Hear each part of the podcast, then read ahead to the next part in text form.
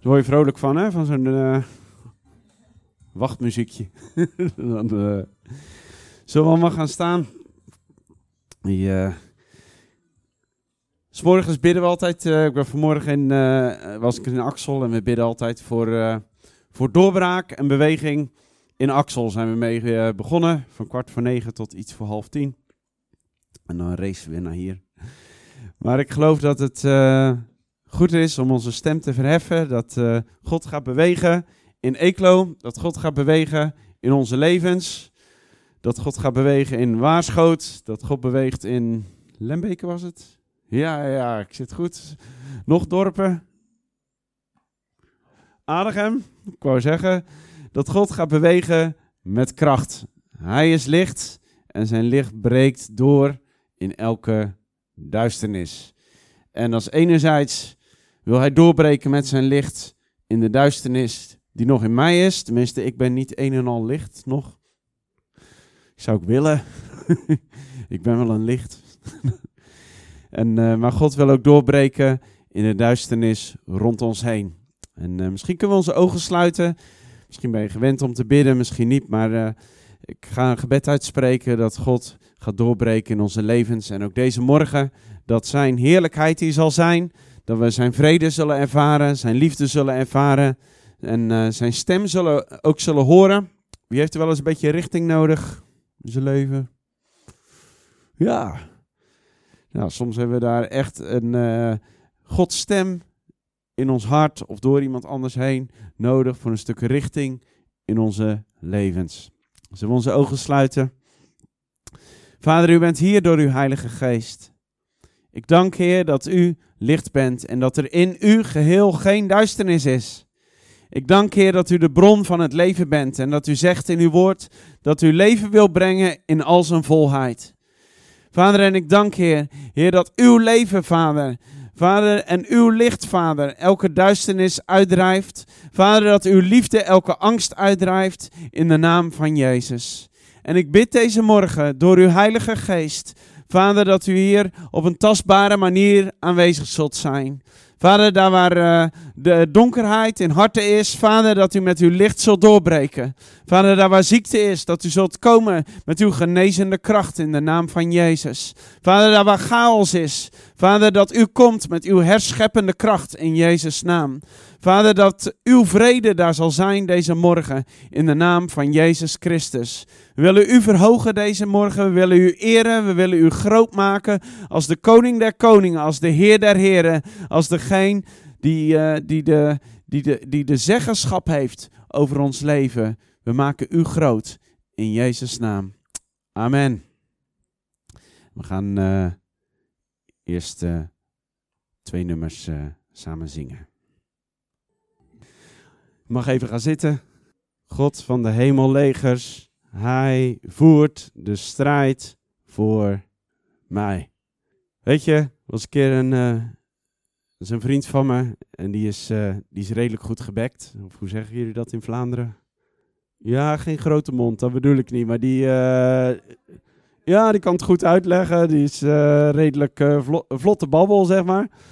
En die hield er altijd van om een beetje ik weet ook niet of dit vertaalt in het Vlaams, de knuppel in het hoenderhok te gooien.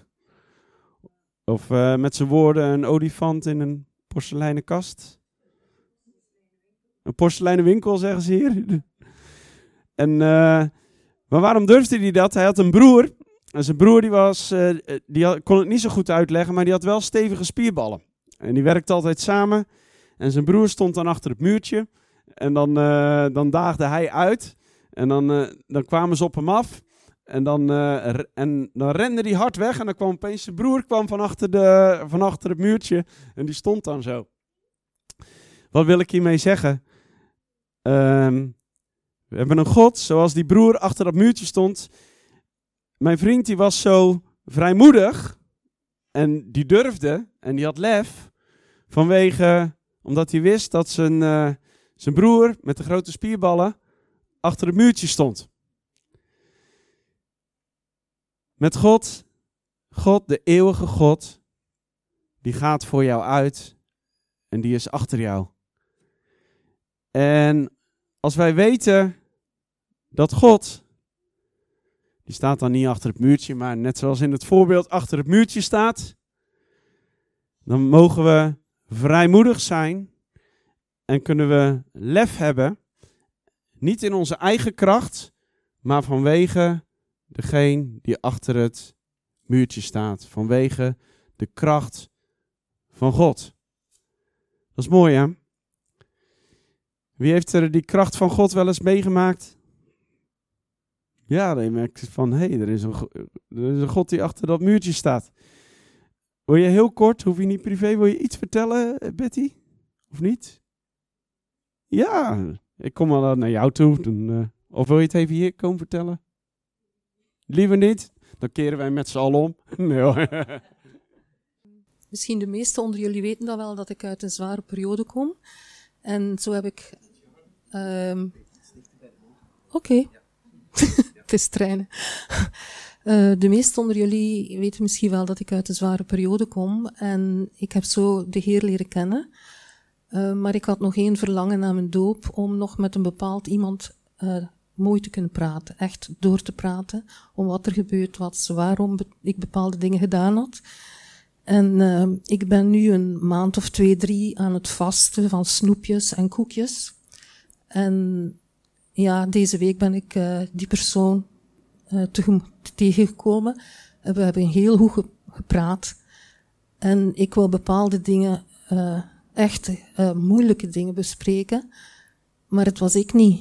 Het was gewoon Jezus die mij de woorden in de mond gelegd heeft.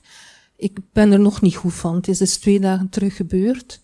En ik heb me echt iets moeten nemen om te rustig te worden van, ik was zo blij, zo optimistisch en zo dankbaar voor de Heer Jezus.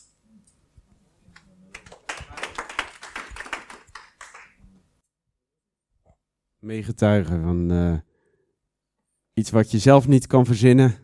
En God die dat in één keer arrangeert, zeg maar. Dat is bijzonder. Wil jij iets vertellen, Helen? Ja, je bent ook op uh, pad geweest, toch? Ja? Misschien wil je even... Eh, kan je kort eventjes iets uh, zeggen? Ja, daar hou, van. ja, daar hou je van, hè? Zo, excuses voor mijn stem trouwens. Hooikoorts is nog niet helemaal over.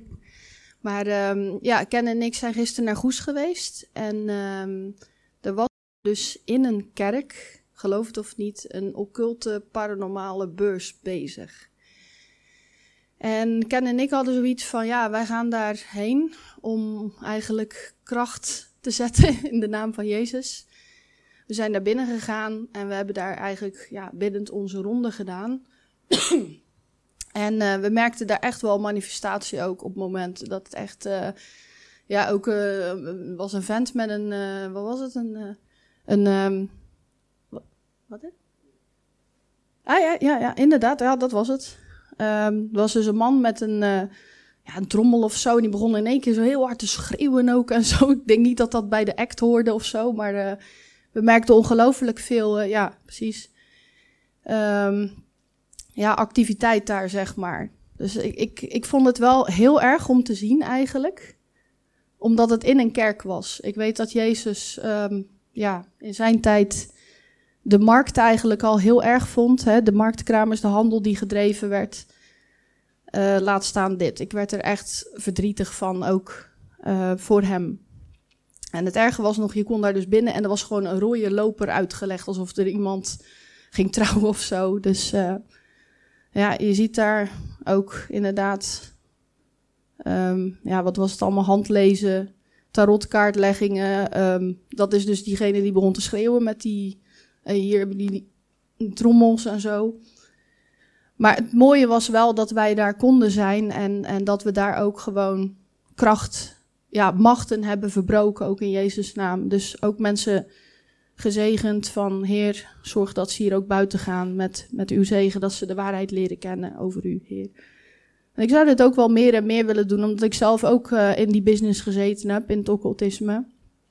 En uh, ja, het is echt ook belachelijk dit als je het ziet. Hè. Ik kan er gewoon niet uit. Het is, het is echt raar.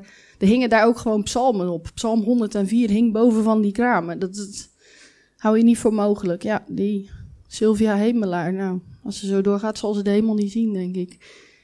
Dus ehm, ja, nee, voor de rest ehm, hebben we wel uh, een mooie tijd gehad. Ondanks dat het heel occult was, daar hebben we daar eigenlijk echt Jezus aangeroepen. En uh, hopen wij ook dat deze mensen um, op een dag Jezus zullen vinden ook. Dus dat wou ik even zeggen.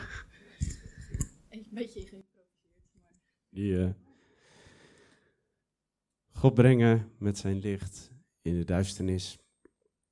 Iedereen op het uh, gebied waar je, ja, waar God je leidt. Uh, dat is ook een stuk inleiding. We gaan uh, aanstaande donderdag, 25 mei en 8 juni, doe ik speciaal met Christian uh, Ipma, die was hier vorige week. Uh, gaan we twee avonden geven over uh, hoe rijk ik uit in mijn omgeving. Gaat dus niet over per se de een die zal dat op straat doen, de ander in een occulte omgeving, de volgende in het rusthuis, de volgende bij school. Het gaat erom hoe rijk ik uit in mijn omgeving. Nou, en soms, misschien zeg je wel, ja, maar ik ben super bang. Of ik ervaar drempels daarin. Nou, wie heeft dat? Ja, dat is heel herkenbaar ook voor mezelf.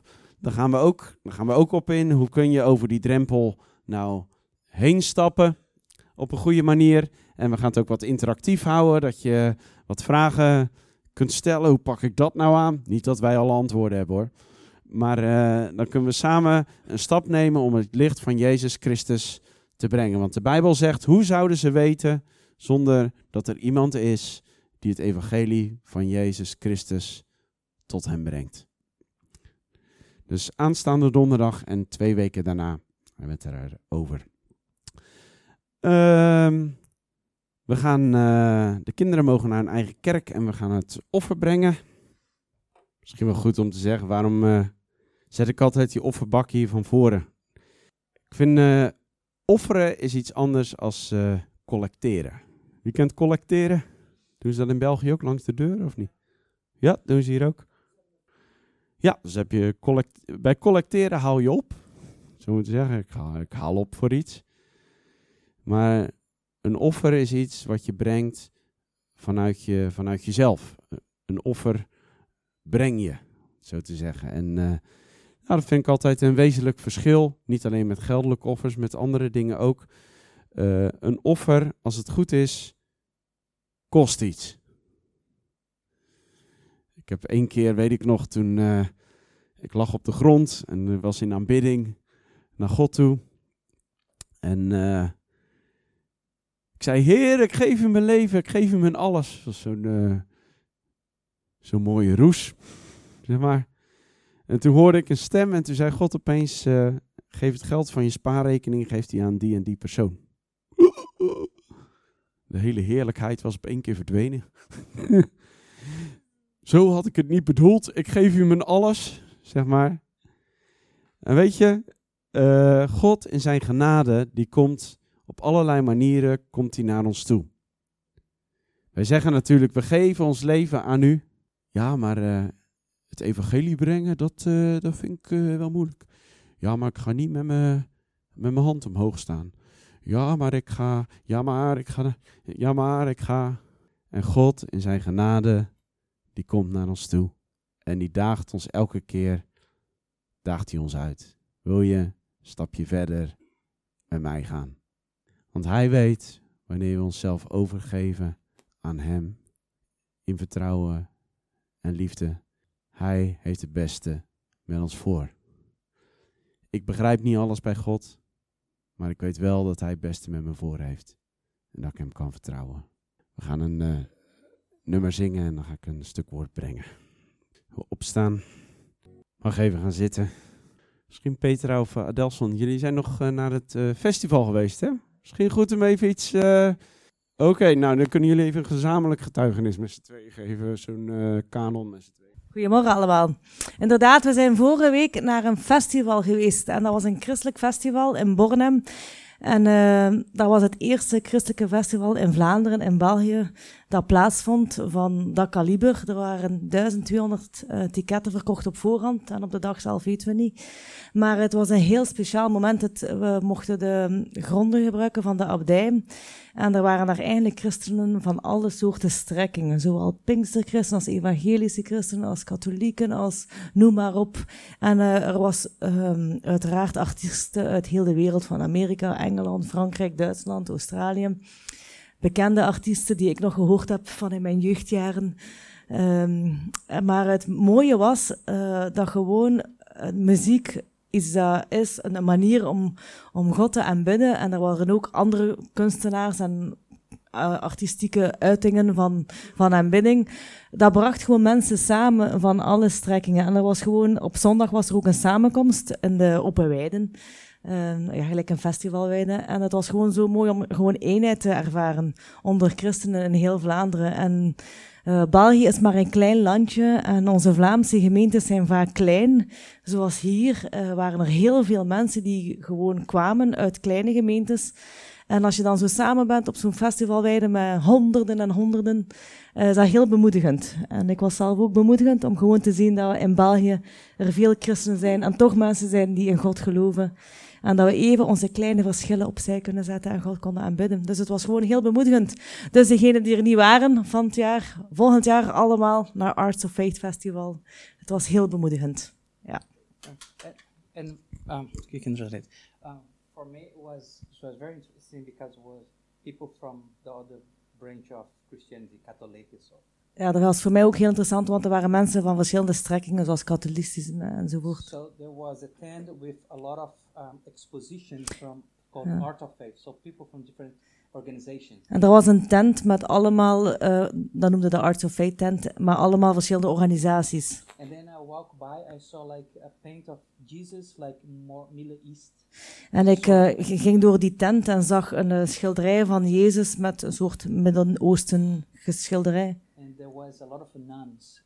En er waren daar, veel, er waren daar veel jonge nonnetjes aan die schilderij. And I said, oh, are you from the Middle East? Bent u van het Midden-Oosten, vroeg hij. No, we're from Brazil. Nee, we zijn van Brazilië, zeiden ze. so there were six of them. Er waren zes nonnetjes uit Brazilië op dat festival. The state close to my state called Pará. So Amazonas, Pará is here. En ze zijn allemaal van de staat naast mijn staat in Brazilië. Oh, oh young. Allemaal jonge nonnetjes, hier in België. And they came and they asking me questions. En ze stelden mij vragen. En ik begon mijn getuigenis te vertellen hoe God mij gered heeft. En hoe God mij geroepen heeft om een, een zendeling te zijn. En ik begon te getuigen over de genade van God dat mijn leven gered heeft. Oh. En iedere keer als elkaar passeerden op het festival was het enthousiast zwaaien. En ik kon gewoon de genade van God uh, getuigen. Want er, zijn ook, daar waren er ook nog veel mensen die ook Jezus nodig hebben. En dat was fantastisch. En hij is ondertussen ook geopereerd en het is goed gelukt, hij is geslaagd. Ja, dus de meniscus. Zero pain. No pain. No, ja. Het is ook goed om het is ook goed om van de week te bidden voor Wim. En ook het gezin van Wim en Adelheid. Een, uh, lastige dingen allemaal. Wim wordt geopereerd deze week. Uh, ik dacht dinsdag of woensdag.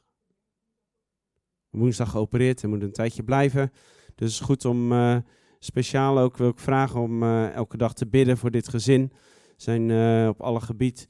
Daar ga ik ook over prediken. Over wat als je aangevallen wordt. Uh, sommige dingen kunnen zijn vanwege je eigen stomme fouten, maar er kunnen ook dingen zijn die een stuk overmacht zijn. En uh, daar mogen we met elkaar voor staan. De Bijbel zegt enerzijds, ieder draagt zijn eigen pak. Oftewel, en dan wordt er gesproken van, uh, ja, ik heb mijn eigen pak te dragen. Verantwoordingen in mijn gezin, bepaalde verantwoordingen die langs zij komen, dat moet ik zelf dragen. Maar er is soms ook een pak wat te groot is om zelf te dragen. En dan is het, dan zegt de Bijbel, laten we elkanders lasten dragen. Staat er in hetzelfde versje. Meestal zeggen we alleen maar, laten we elkanders lasten dragen. Meestal, weet je, maar er is een pak wat je zelf moet dragen. Maar er is een heel, soms een groot pak wat op je af kan komen. En dan laten we met elkaar staan, laten we elkaar bemoedigen. En laten we zorgen dat de duivel geen voordeel behaald. En dat het koninkrijk van, van God zal doorbreken met kracht. Dus ik wil vragen of je extra voor hem wil bidden uh, deze week. En uh, mocht je eraan denken, wij zijn er heel slecht in, maar een kaartje of een andere manier van bemoediging, dan uh, is dat meegenomen. Dat is wel leuk. Wij zijn heel slecht in kaartjes. Soms vind je een kaartje en dan is dat. Kwam pas nog een kaartje met een uh, deelneming. Uh, kwam ik toen tegen, maar die persoon was al acht maanden. De begrafenis was al acht maanden voorbij, zeg maar. Dus ja, dan kan het kaartje ook niet meer sturen. Dus dat, maar gelukkig zijn er ook mensen. Wij proberen te verbeteren, maar er zijn ook mensen die dat wat, die wat attenter zijn, zeg maar, op dat gebied. Dus leef je uit. Als je aangevallen wordt, wie, wie ervaart er wel eens aanval in je leven? Ja. Je merkt van, hé, hey, en, uh, en, hoe merk je dat? Of wat, uh, wat gebeurt er dan? Nou, er zijn, ik wil wat, wat tips geven en wat die de Bijbel geeft over wat je doet als je aangevallen wordt. Want er staat dat de duivel rondgaat als een briesende leeuw, kijkende wie hij kan verslinden. Oftewel, de duivel gaat rond als een briesende leeuw. Hij kijkt van, hey, waar kan ik, waar kan ik die persoon pakken? Nou, die duivel is losgelaten, maar de Bijbel spreekt over hoe we beschermd zijn in Jezus Christus en hoe we meer als overwinnaar kunnen zijn met Hem. Dat betekent niet dat aanval leuk is, dat het gezellig is, dat is niet zo. En dat het niet moeilijk kan zijn, maar de Bijbel spreekt over hoe blijven we standvastig en hoe kunnen we krachtig blijven staan. Ik wil eerst even gaan naar uh, Psalm um, 51. Psalm 51, vers 18. En daar staat: Want u vindt geen vreugde in offers, anders zou ik ze brengen. In brandoffers schept u geen behagen. De offers voor God zijn een gebroken geest, een verbrijzeld en verslagen hart zult u, o God, niet verachten. Een van de neigingen die er zijn als je aanval ervaart in je leven, is dat je gelijk denkt: oh, dus ik doe iets niet goed. Het komt ook door, uh, soms door voorspoedsleer. Is er voorspoed bij God? Ja. Maar uh, de extreme voorspoedsleer zegt: als, je, als je de juiste dingen doet, dan zal er alleen maar zegen op je pad zijn. Ik zou je zeggen, natuurlijk, er staan dingen in het woord. Ik geloof dat er voorspoed is bij God. Ik geloof dat Hij je wil leiden. Maar dat betekent niet dat wanneer er, een, wanneer er aanval is in je leven, dat dat is omdat jij dingen allemaal niet goed doet. Dat kan wel, maar dat hoeft niet zo te zijn. Het koe-beest principe. Ik weet niet of jullie dat kennen. Elke koe is een beest, maar niet elk beest is een koe. Heel, veel gemaakte fout, dus ik zal hem nog een keer herhalen. Niet uh, elke koe is een beest. Als ik het naar uh, een ander uh, onderwerp zou, zou verklaren. Ehm, het kan zijn dat je vanwege zonde ziek bent. Maar het is niet zo dat wanneer je ziek bent, dat dat altijd door een zonde komt. Snap je hem? Dus elk, elke koe is een beest, maar niet elk beest is een koe. Nou, dat is heel goed in onze causale denken, in ons gevolgdenken, waarmee we zijn grootgebracht. Uh, daar, daar gaat veel mis. En ook als we de Bijbel lezen. Een verslagen, wat is een offer voor God? Dat is een gebroken geest, oftewel een nederig hart. Dat is een, een, een hart, een leven wat zich overgeeft. Dat is het ultieme offer voor God. Jij die je leven aan Hem geeft. En de eerste neiging als je aangevallen, wordt, is eigenlijk een soort. Uh, uh, ja, ik ga, ik ga maar goed doen, want dan komen er andere goede dingen uit voort. Dan zal het wel over zijn. De een die gaat wat extra offeren. De andere die gaat, oh, dan ga ik extra bidden. De volgende gaat misschien 40 dagen vasten. Nu, extra offeren, bidden of vasten, daar is niks verkeerds mee.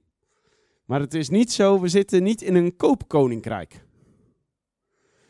Ik ga even extra dagen vasten, zodat dat gooi ik in de, in de machine. En dan komt er aan de onderkant, komt er, ting, ting, ting, ting, ting, ting, wat komt eruit? Dat alles opgelost is. Dat is niet het koninkrijk van God. Nogmaals, als God spreekt, ga vasten, ga alsjeblieft vasten. Want dan doen we dat in relatie met Hem, dan doen we dat in overtuiging, dan doen we dat omdat daar kracht aan verbonden zit. Maar doe het nooit om God om te kopen. Want dat is niet het koninkrijk van God. Dat lijkt wat meer op de islam. Je weet nooit hoe de hoed van God staat. We doen wat meer goede werken erbij. Dan gaat de, gaat de weegschaal iets meer naar boven, hopelijk. Een beetje meer zo. En dat is een neiging die we hebben als mensen. We gaan werken. Galaten 5, vers 4. Kunnen we dat lezen? U bent van Christus losgeraakt. U die door de wet gerechtvaardigd wilt worden, en daarmee bent u uit de genade gevallen. Want wij verwachten door de geest uit het geloof de gerechtigheid waarop wij hopen. Als je dit hele stuk leest, zijn het mensen die, die supergoed begonnen zijn, zijn gered vanuit de wet door genade. En wat gebeurt er? Door de tijd heen zijn ze eigenlijk weer uh, uh, onder de wet gekomen. Wat betekent dat? Uh, als ik me maar aan deze regels hou, dan zal God wel blij met mij zijn. Nu, er is niks verkeerds met die regels. Maar als ik de regels ga houden om alleen dat God blij met mij is. Stel dat je jouw kinderen. Ja, papa. Super. Ja, voor een tijdje is dat prima. Maar als zij dat doen alleen maar om mijn liefde te krijgen, om mijn waardering te krijgen, dan gaat er iets mis in de relatie. Dan hebben zij niet on, eigenlijk de verloren zoon, het verhaal van de verloren zoon en de oudste zoon. Eigenlijk kende de verloren zoon, die alles verkwanselde en terugkwam bij zijn vader, kende het hart van zijn vader beter dan de oudste zoon, die altijd bij zijn vader in huis had gewoond. Nu vindt de vader het leuk dat alles verkwanseld was? Nee. Maar de relatie was wel hersteld, terwijl het met de oudste zoon niet zo was. We kunnen heel makkelijk weer in werken van de wet kunnen we terugvallen. God wil dat we een relatie met hem hebben en van daaruit, vanuit een, een hart wat van hem houdt, een hart wat om hem geeft, dat we van daaruit de dingen die hij spreekt van harte houden of van harte opvolgen. Vers 7 zegt het: U liep zo goed. Wie heeft u verhinderd de waarheid te blijven gehoorzamen? Was zo lekker bezig. Zo goed bezig. Nu ben je weer, nu ben je weer krampachtig allerlei de wetten allemaal aan het houden om proberen redding te krijgen. Hopen dat, hopen dat de hoed van God goed staat. De dingen die hij spreekt zijn ten leven. Maar gaan ze niet houden om zijn, om God zijn humeur goed te stellen of zo? Nee, God houdt van jou. Hij geeft om jou. En vanwege jouw liefde voor Hem ga je in de dingen wandelen die Hij gesproken heeft.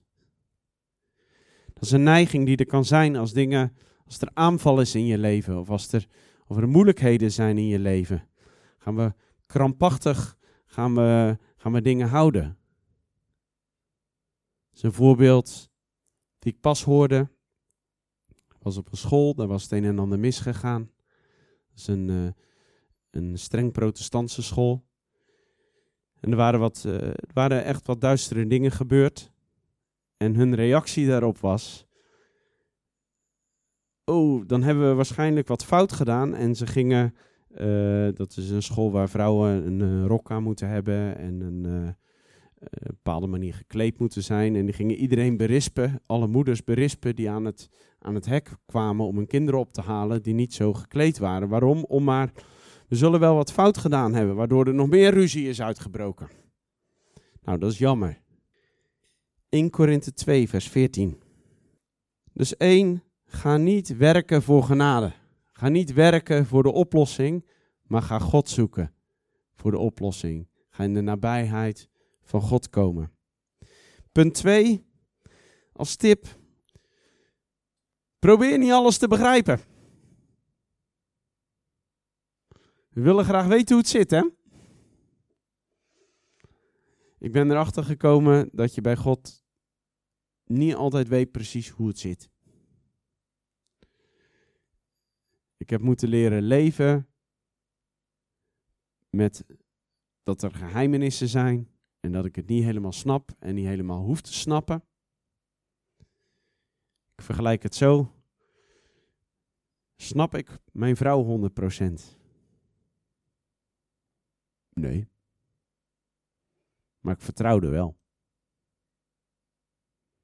Snap ik mezelf 100%? Wie snapt zichzelf helemaal? Nee, hopeloos. je bent zwanger met hormonen, dan wordt het nog hopelozer. Snap mezelf helemaal niet meer. nee, klopt, nee, dat is al lastig. Dus proberen alles te doorgronden en definities op te plakken, dat, dat gaat niet werken. Daar kom je niet verder mee. In 1 Korinthe 14, 1 Korinthe 2 vers 14, daar staat... Maar de natuurlijke mens neemt de dingen van de geest van God niet aan, want ze zijn dwaasheid voor hem.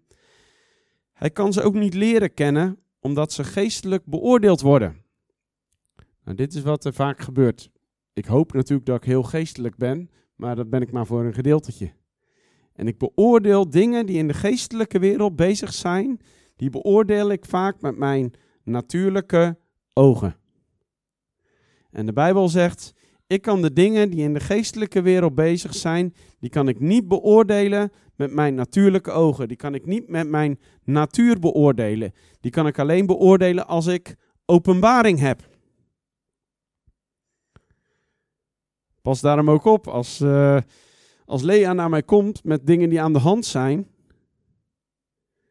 ga dat niet verklaren aan de hand van een paar boekjes of dingen die je gelezen hebt. Want je kunt er echt volledig naast kleunen. Waarom? Elke koe is een beest. Maar niet elke beest is een koe. Oftewel, er is een boekje geschreven door iemand. En in zijn geval waren dingen, was er bijvoorbeeld ziekte vanwege zonde. Nou, dan komt Lea naar me toe. En die vertelt iets. Oh, ik heb van de week een boekje gelezen. Is er zonde in je leven?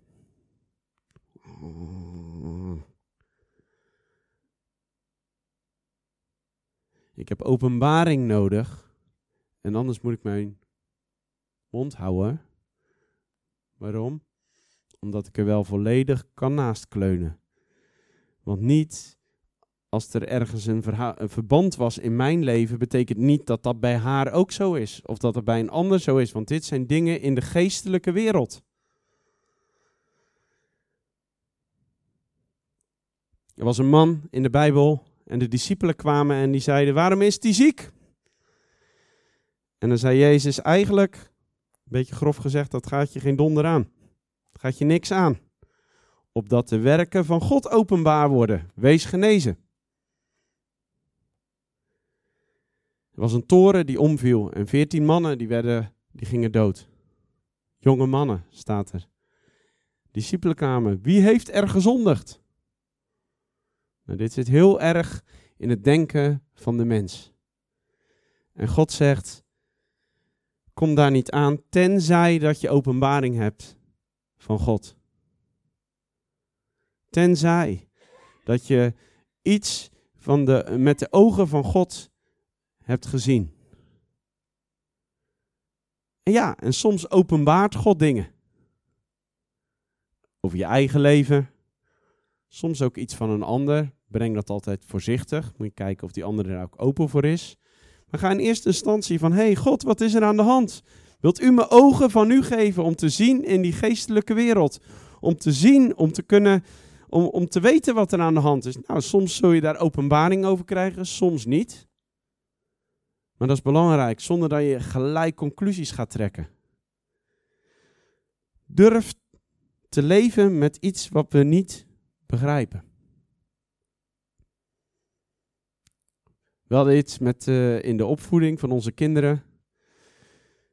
Ik heb, ik heb gevast, gebeden, boekjes gelezen, advies van anderen opgevolgd, leraar, doorbraak geproclameerd. Ik heb alles gedaan. Al heel wat jaren. Maar het is niet veranderd. Maar ik blijf doorzoeken. En ik blijf doorstrijden. En met de situatie zo goed mogelijk omgaan. En blijf geloven op een overwinning en een doorbraak van God. Honderdduizend adviezen. Maar God, wat is, wat is de sleutel? Wat is de sleutel? En ik moet eerlijk zeggen, ik weet het niet. Maar ik weet wel dat ik ooit de doorbraak ga zien. Psalm 85, vers 9. Helaas heb ik dit veel gezien.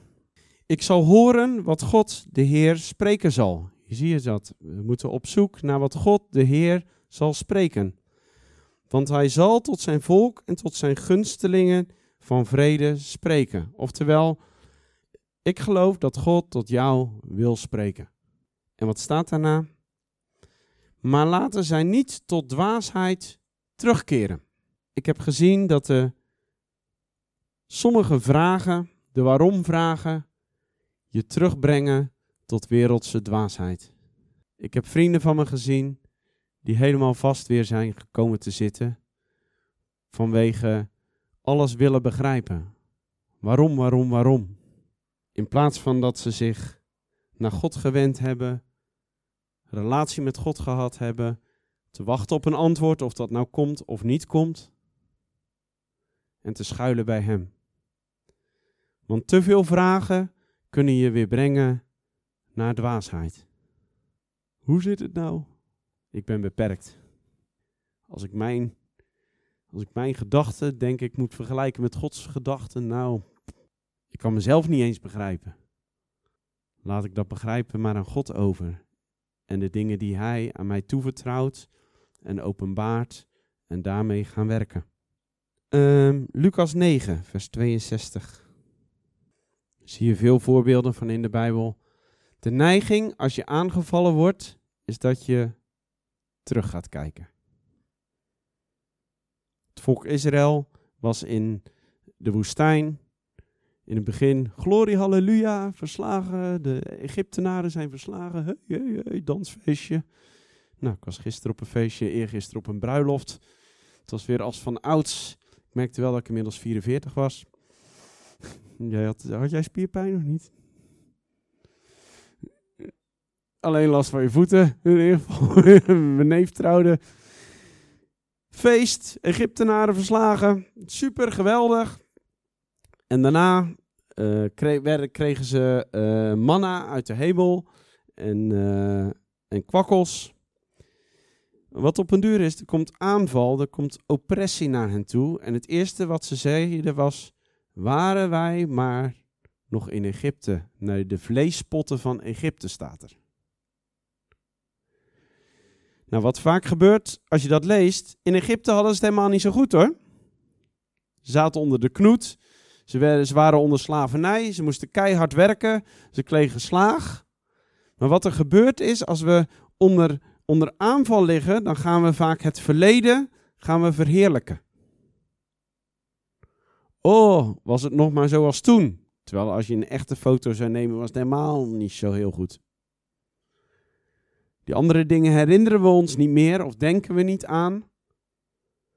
Alleen dat ze lekker vlees hadden misschien. Oh, was ik nog maar. Was ik nog maar in het verleden? Was het nog maar zoals 30 jaar geleden? Zie je in deze tijd?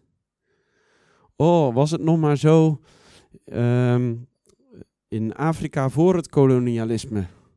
Konden we lekker uh, rond, samen in de natuur, dicht bij de natuur. Nou, als je de echte verhalen leest, 30% aan diarree die doodgaat. Daar wordt allemaal niet aan gedacht. Nu, ik zeg niet dat kolonialisme goed is. Maar wat ik probeer te zeggen is, er wordt iets verheerlijkt in het verleden, wat helemaal niet zo heerlijk was.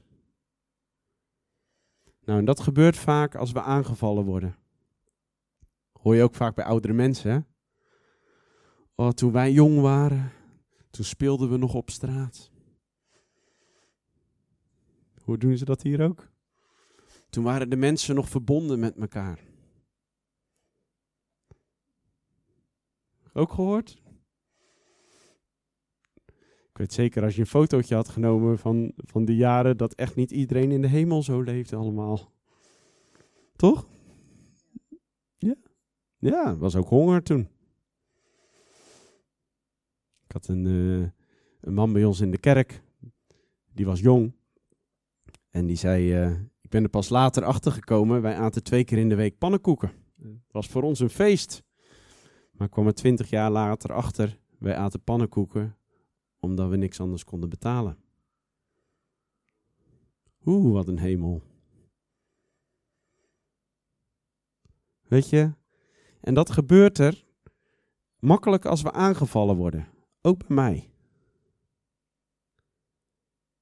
En het haalt je weg van de realiteit. En het haalt je weg van om God te zoeken voor een oplossing voor nu. Het brengt je in een slachtofferrol. God wil dat we opstaan vandaag. En God gaan zoeken voor de, voor de problemen vandaag in mijn leven, in jouw leven. Heer, ik weet niet wat ik moet studeren. Ja, ik ook niet. Joa, wat moet ik doen? Weet ik veel. Maar we kunnen wel God gaan zoeken. We kunnen zijn aangezicht zoeken. Heer, wat is uw wijsheid? Wat is uw openbaring? Wat spreekt u?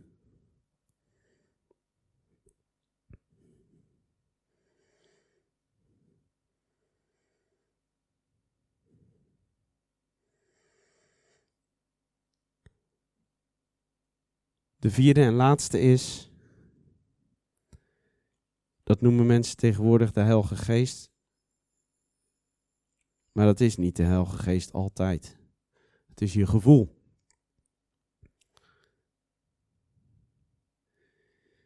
Even kijken of ik de goede hier heb. Uh... Ik heb hier een verkeerde referentie staan. Maar dat is, als je aangevallen voelt, weet, dan is je gevoel niet altijd de juiste graadmeter. Mijn gevoel kan mij bedriegen. Ja, maar de Heilige Geest geeft een vrede, wordt er dan gezegd. Hè? De vrede van de Heilige Geest zal regeren. Ik zou je zeggen, de vrede van de Heilige Geest is niet jouw gevoel. Jezus had een diepe vrede van de Heilige Geest, maar hij zweette bloed en zei: Niet mijn wil, maar uw wil geschieden. Als ik de straat op ging om te evangeliseren, dan voelde ik soms angst. Dus ik helemaal niet zo happy. Maar wel een diepe vrede van de Heilige Geest, die jou helpt om door de angst heen te komen en door de onzekerheid heen te komen. En dat is God. Als ik een conflict met iemand heb en ik moet iets oplossen. Ik weet nog de eerste keer was een uh, meisje die ik had gepest. Een aantal keer. Die, uh, en ik wist ergens, daar moet ik om vergeving vragen. Maar jongen, jongen. Zij had ook dingen misgedaan. Dus ik dacht, uh, ja, en zij ook. En,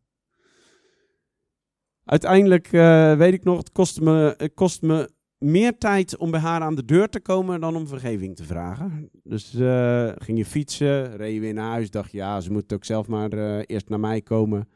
Ik ging uiteindelijk, uh, kwam ik aan de deur, na een uurtje, drukte op de bel.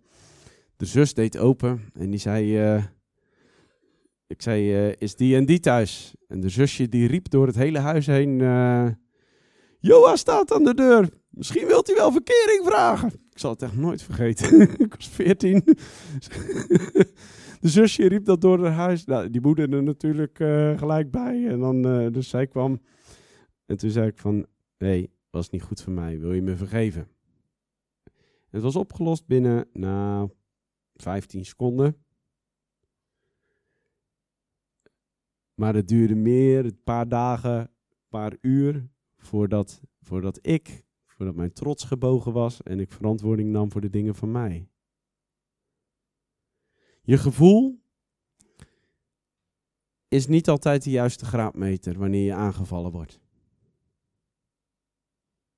Je kun je heel beroerd voelen en toch weten in overtuiging en openbaring kun je uit, uitvoeren wat goed is. Ik heb een uitspraak, ik heb misschien hier al eens verteld. Doe niet wat goed voelt, maar doe wat goed is. Beste moeilijke, probeer ik thuis ook te leren aan mijn kinderen. Lastig. Er zijn dingen goed. De vrede van God. Het gaat hier over de diepe overtuiging van de Heilige Geest. En dan komen we terug op die tekst in Lucas, eh, of tenminste die we er net gelezen hebben, dat we die stem van God moeten horen. Zo belangrijk. God, wat is uw weg? Wat spreekt u tot mij? Wat is uw weg van wijsheid? En misschien weet je maar één dingetje. Voer dan dat ene dingetje uit. Misschien zegt hij, ga naar de... Ik wil dat je start met uh, naar occulte de, uh, shows te gaan. Nou, en dan ga je dat uitvoeren. Je weet nooit wat daarachter ligt. Maar God zegt, als je dingen in gehoorzaamheid aan mij, als je die uitvoert, dan kom ik met mijn tegenwoordigheid, dan ben ik daar. En je weet nooit wat er dan gebeurt.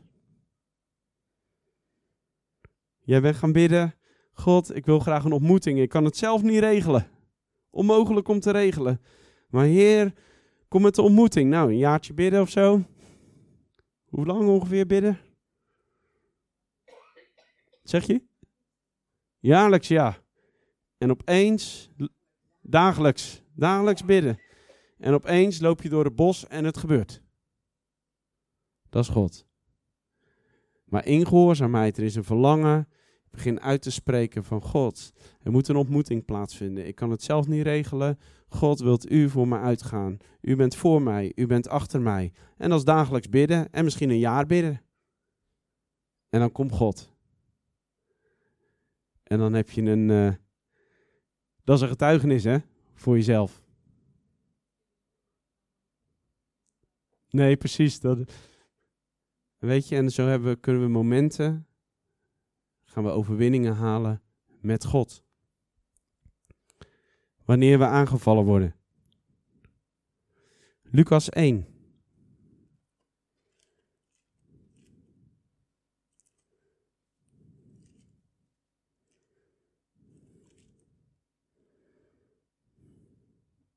Vers 37. Het gaat over Maria. Maria die een, een kind krijgt. Of tenminste de aankondiging van een kind. En vers 37 staat eigenlijk de reactie van Maria. Moet je nagaan, God geeft een belofte. Ze heeft God gehoord. Oftewel, we gaan bij God en God begint iets te spreken. Dat kan door een verlangen heen zijn, dat kan door een echt woord van God zijn. Weet je, dat kan zelfs iets onmogelijks zijn. Iets, iets wat vaak zijn de dingen die God spreekt en die zijn vaak wat een beetje buiten jouw macht. Waarom dat God wil dat we Hem geloven, Hem vertrouwen. En bij Maria was dat natuurlijk redelijk extreem.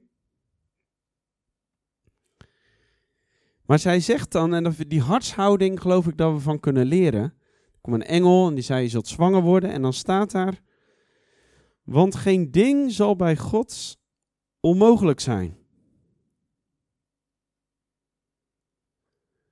Er is een soort, en daarna vers 38, zie de dienares van de Heer, laat met mij geschieden overeenkomstig uw woord.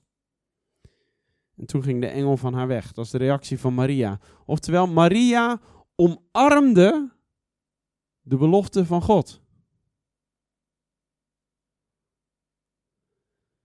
Dus God spreekt iets, we hebben hem gezocht, er komt iets in ons hart, dat kan soms een, een sterk verlangen zijn, dat kan een echt woordelijk iets zijn, dat kan, dat kan nog iets zijn wat totaal nul zichtbaar is. Maar Maria die omarmt dat woord. We hadden een vrouw in de kerk in, uh, in Terneuzen. Ze is inmiddels overleden. Eh, maar zij had van jongs af aan al, had ze zoiets, ik, ik, ga naar, ik ga naar India en ik ga daar voor de armen, ik ga het evangelie brengen. Dat had ze als tienermeisje. Het leven heeft een andere wending gelopen, genomen. Moeilijk huwelijk, ziekte. Nou, eigenlijk best een heel moeilijk leven gehad. En zij kwam eigenlijk terug tot God. Kwam bij ons in de gemeente toen ze een jaar of 55 was. En God herinnerde zich aan dat woord wat nog altijd in de leefde ergens. En uiteindelijk is ze op 57, 58 denk ik, is ze voor het eerst naar India geweest.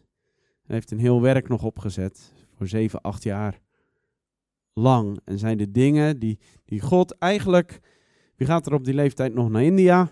Om iets op te zetten, om daar te wonen, in een hutje te zitten, de hele reutemeteut, naaimachines. Uh, iets wat God daar al had gelegd. En had het eerder plaats kunnen vinden? Ja, natuurlijk. Maar het lag daar nog steeds.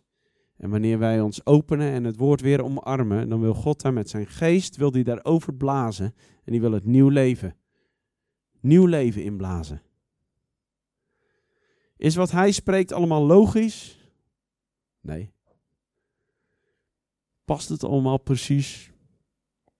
Ik heb ook dingen die hij zeker weten gesproken hebt, heeft. Ik heb geen idee hoe het moet plaatsvinden. Zijn zelfs een aantal dingen die kan ik echt ook niet eens iets aan doen om het uit te voeren. Dus dat moet iets van God zijn. Ooit een woord over Egypte gehad. Zo duidelijk. Dat verbond me ooit jaren geleden eventjes met Adelson. Toen we elkaar ontmoetten, dat weet ik nog precies, op de kring in Zel zaten. Maar dat er ligt nog iets in het verschiet. En hoe dat gaat gebeuren, geen idee. En zo heeft God dingen in jou gelegd. Of wil Hij dingen spreken in jouw leven? Wil Hij oplossingen geven? Wil Hij openbaring geven over situaties waar je in zit? Wil Hij laten zien hoe je uit. Soms zit je vast in een spaghetti-pot, noem ik dat vaak. Complex. Ja, Joas, het is complex. Ja, het leven is complex. Maar met Jezus kunnen we in een nieuw leven stappen. Met Hem. Oh, spreek terug naar België. Glorie, halleluja, paradijs, hemel. Nee, hard klussen. Diepe vrede, wanhoop. Gaat allemaal samen. Maar God maakt een weg waar geen wegen zijn. En God gaat uitkomst brengen. Als we Hem vertrouwen, Hem blijven zoeken en Hem vasthouden. Dat is mijn hart. Dat is het hart voor doorbraak in onze levens. Dat is mijn hart dat we God gaan zoeken, ieder voor zich, voor zijn leven. Van hé hey God, hoe kom ik verder? Met u. Hoe kunnen de dingen die hier, de prachtige dingen die hier van binnen liggen, wilt u openbaren wat voor vandaag is, wat voor morgen is, wat voor overmorgen is? Ja, maar Heer, ik heb tieners, ik heb kleine kinderen. Ja, net of God dat niet weet. Heer, ik ben wat ouder. Dat wist God ook al. Het zijn een heleboel maren. Maar durven we te omarmen wat Hij spreekt? Durven we te omarmen de beloftes die Hij gesproken heeft? Ook al is er aanval, ook al lijken dingen anders, durven we te omarmen wat Hij gesproken heeft? Ja, Heer, overeenkomstig uw woord. Ik weet niet hoe. Ik heb geen idee hoe dat moet plaatsvinden. Maar ik wil omarmen wat u gesproken heeft. En dat woord zal niet ledig wederkeren, maar zal een weg banen ten leven. God. Ik geloof dat God voor jullie nog heel wat Ik heb dat al een paar weken op mijn hart, maar ik, ik geloof dat er nog i- iets heel anders voor jullie ligt. Ik bedoel, jullie hebben. Ik, ik ken jullie verder niet heel goed. Maar ik, er, er is een bepaald eh, gedeelte wat, is, wat gesetteld is en loopt en goed loopt. En, eh, en daar is vrede over en, dat, en dat, dat is ook goed. Maar wees niet verbaasd als er eh, andere verlangens beginnen te komen van binnen. En die staan een beetje haaks soms op waar je nu in zit en wat best wel lekker voelt. en ook gewoon lekker is. En, eh, maar ik, ik zie dat dat verlangen, dat er een bepaald verlangen, dat dat sterker gaat worden. En dat er eigenlijk een soort uitdaging gaat komen van, eh, durven we dat of niet? En daar zit niet zozeer eh, in van goed of fout.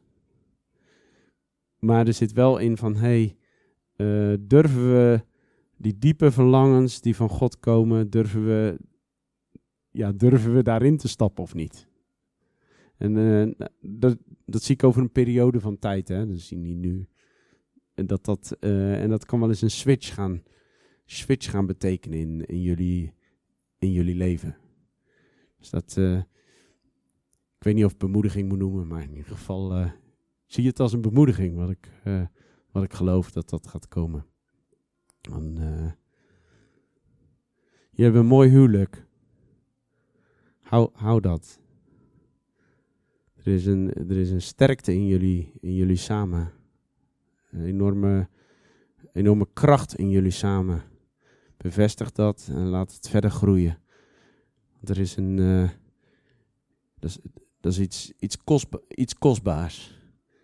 En een getuigenis om jullie heen ook. Dat, eh, dank u, Jezus. Dank u, Jezus. Dank u, Jezus. Dank u, Jezus. Er is een hart van God in jou. Een hart voor God. Begin gewoon te rennen. Begin gewoon, gewoon te gaan. Je denkt misschien, ja, dit weet ik niet, dat weet ik niet. Maar weet je, als jij keuzes maakt met God, dan is Hij daar.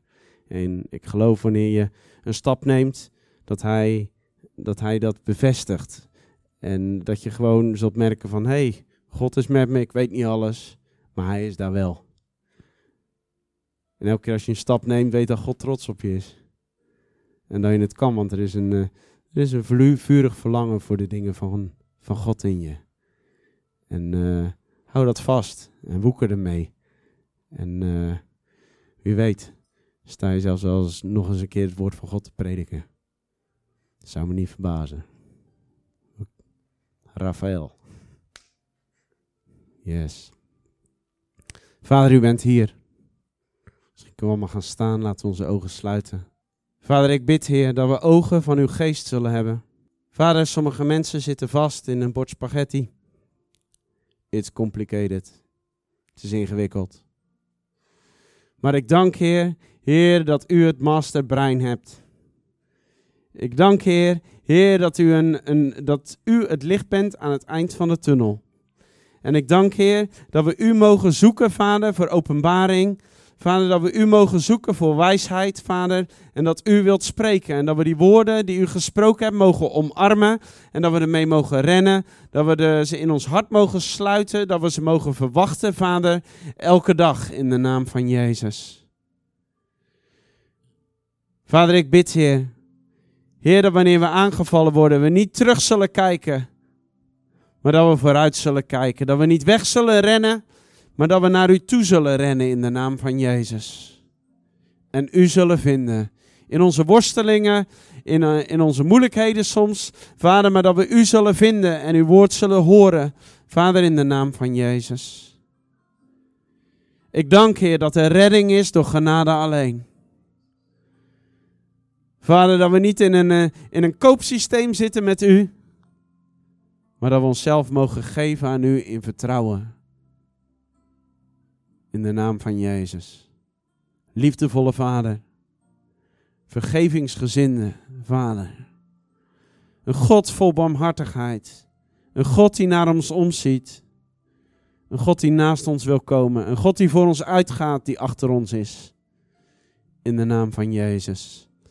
En ik bid voor de mensen die vastzitten. Vader, ik dank Heer dat er in uw naam kracht voor doorbraak is. In de naam van Jezus. Vader, daar waar ziektemachten tekeer gaan, in Jezus' naam willen we genezing uitspreken. Vader, willen we doorbraak gebieden in de naam van Jezus. Dat de vloek van ziekte gebroken wordt in Jezus' naam. Ik dank dat die gebroken is, maar ik bid, Heer, dat die ook gemanifesteerd wordt hier op aarde in de naam van Jezus. Vader, ik bid, Heer, voor mensen die mentaal vastzitten, die in hun ziel vastzitten.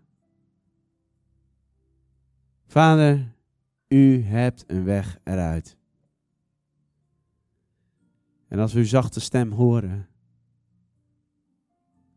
bid ik dat we dat kleine stapje zullen nemen. Dat we de leidsman, de voleinder van het geloof, dat we die zullen volgen. Want dat betekent redding. Het betekent genezing. Het betekent heelmaking. In Jezus' naam. We eren en aanbidden u. In de naam van Jezus. Amen. Heb je gebed nodig? Dan mag je naar voren komen. Kom dan gelijk uh, zo meteen en dan gaan we nog een laatste lied uh, zingen. En tijdens dat lied dan uh, zullen we bidden voor mensen. Ga, ga met God deze week. Zoek Hem. Elke dag. Denk aan uh, familie van Kerkhoven van de week voor te bidden. En uh, als je wil, donderdag, dan zijn we hier. Hoe reik ik uit in mijn omgeving naar Jezus? Met Jezus. Amen. Wel thuis en uh, drink een lekker bakje koffie. Tasje koffie.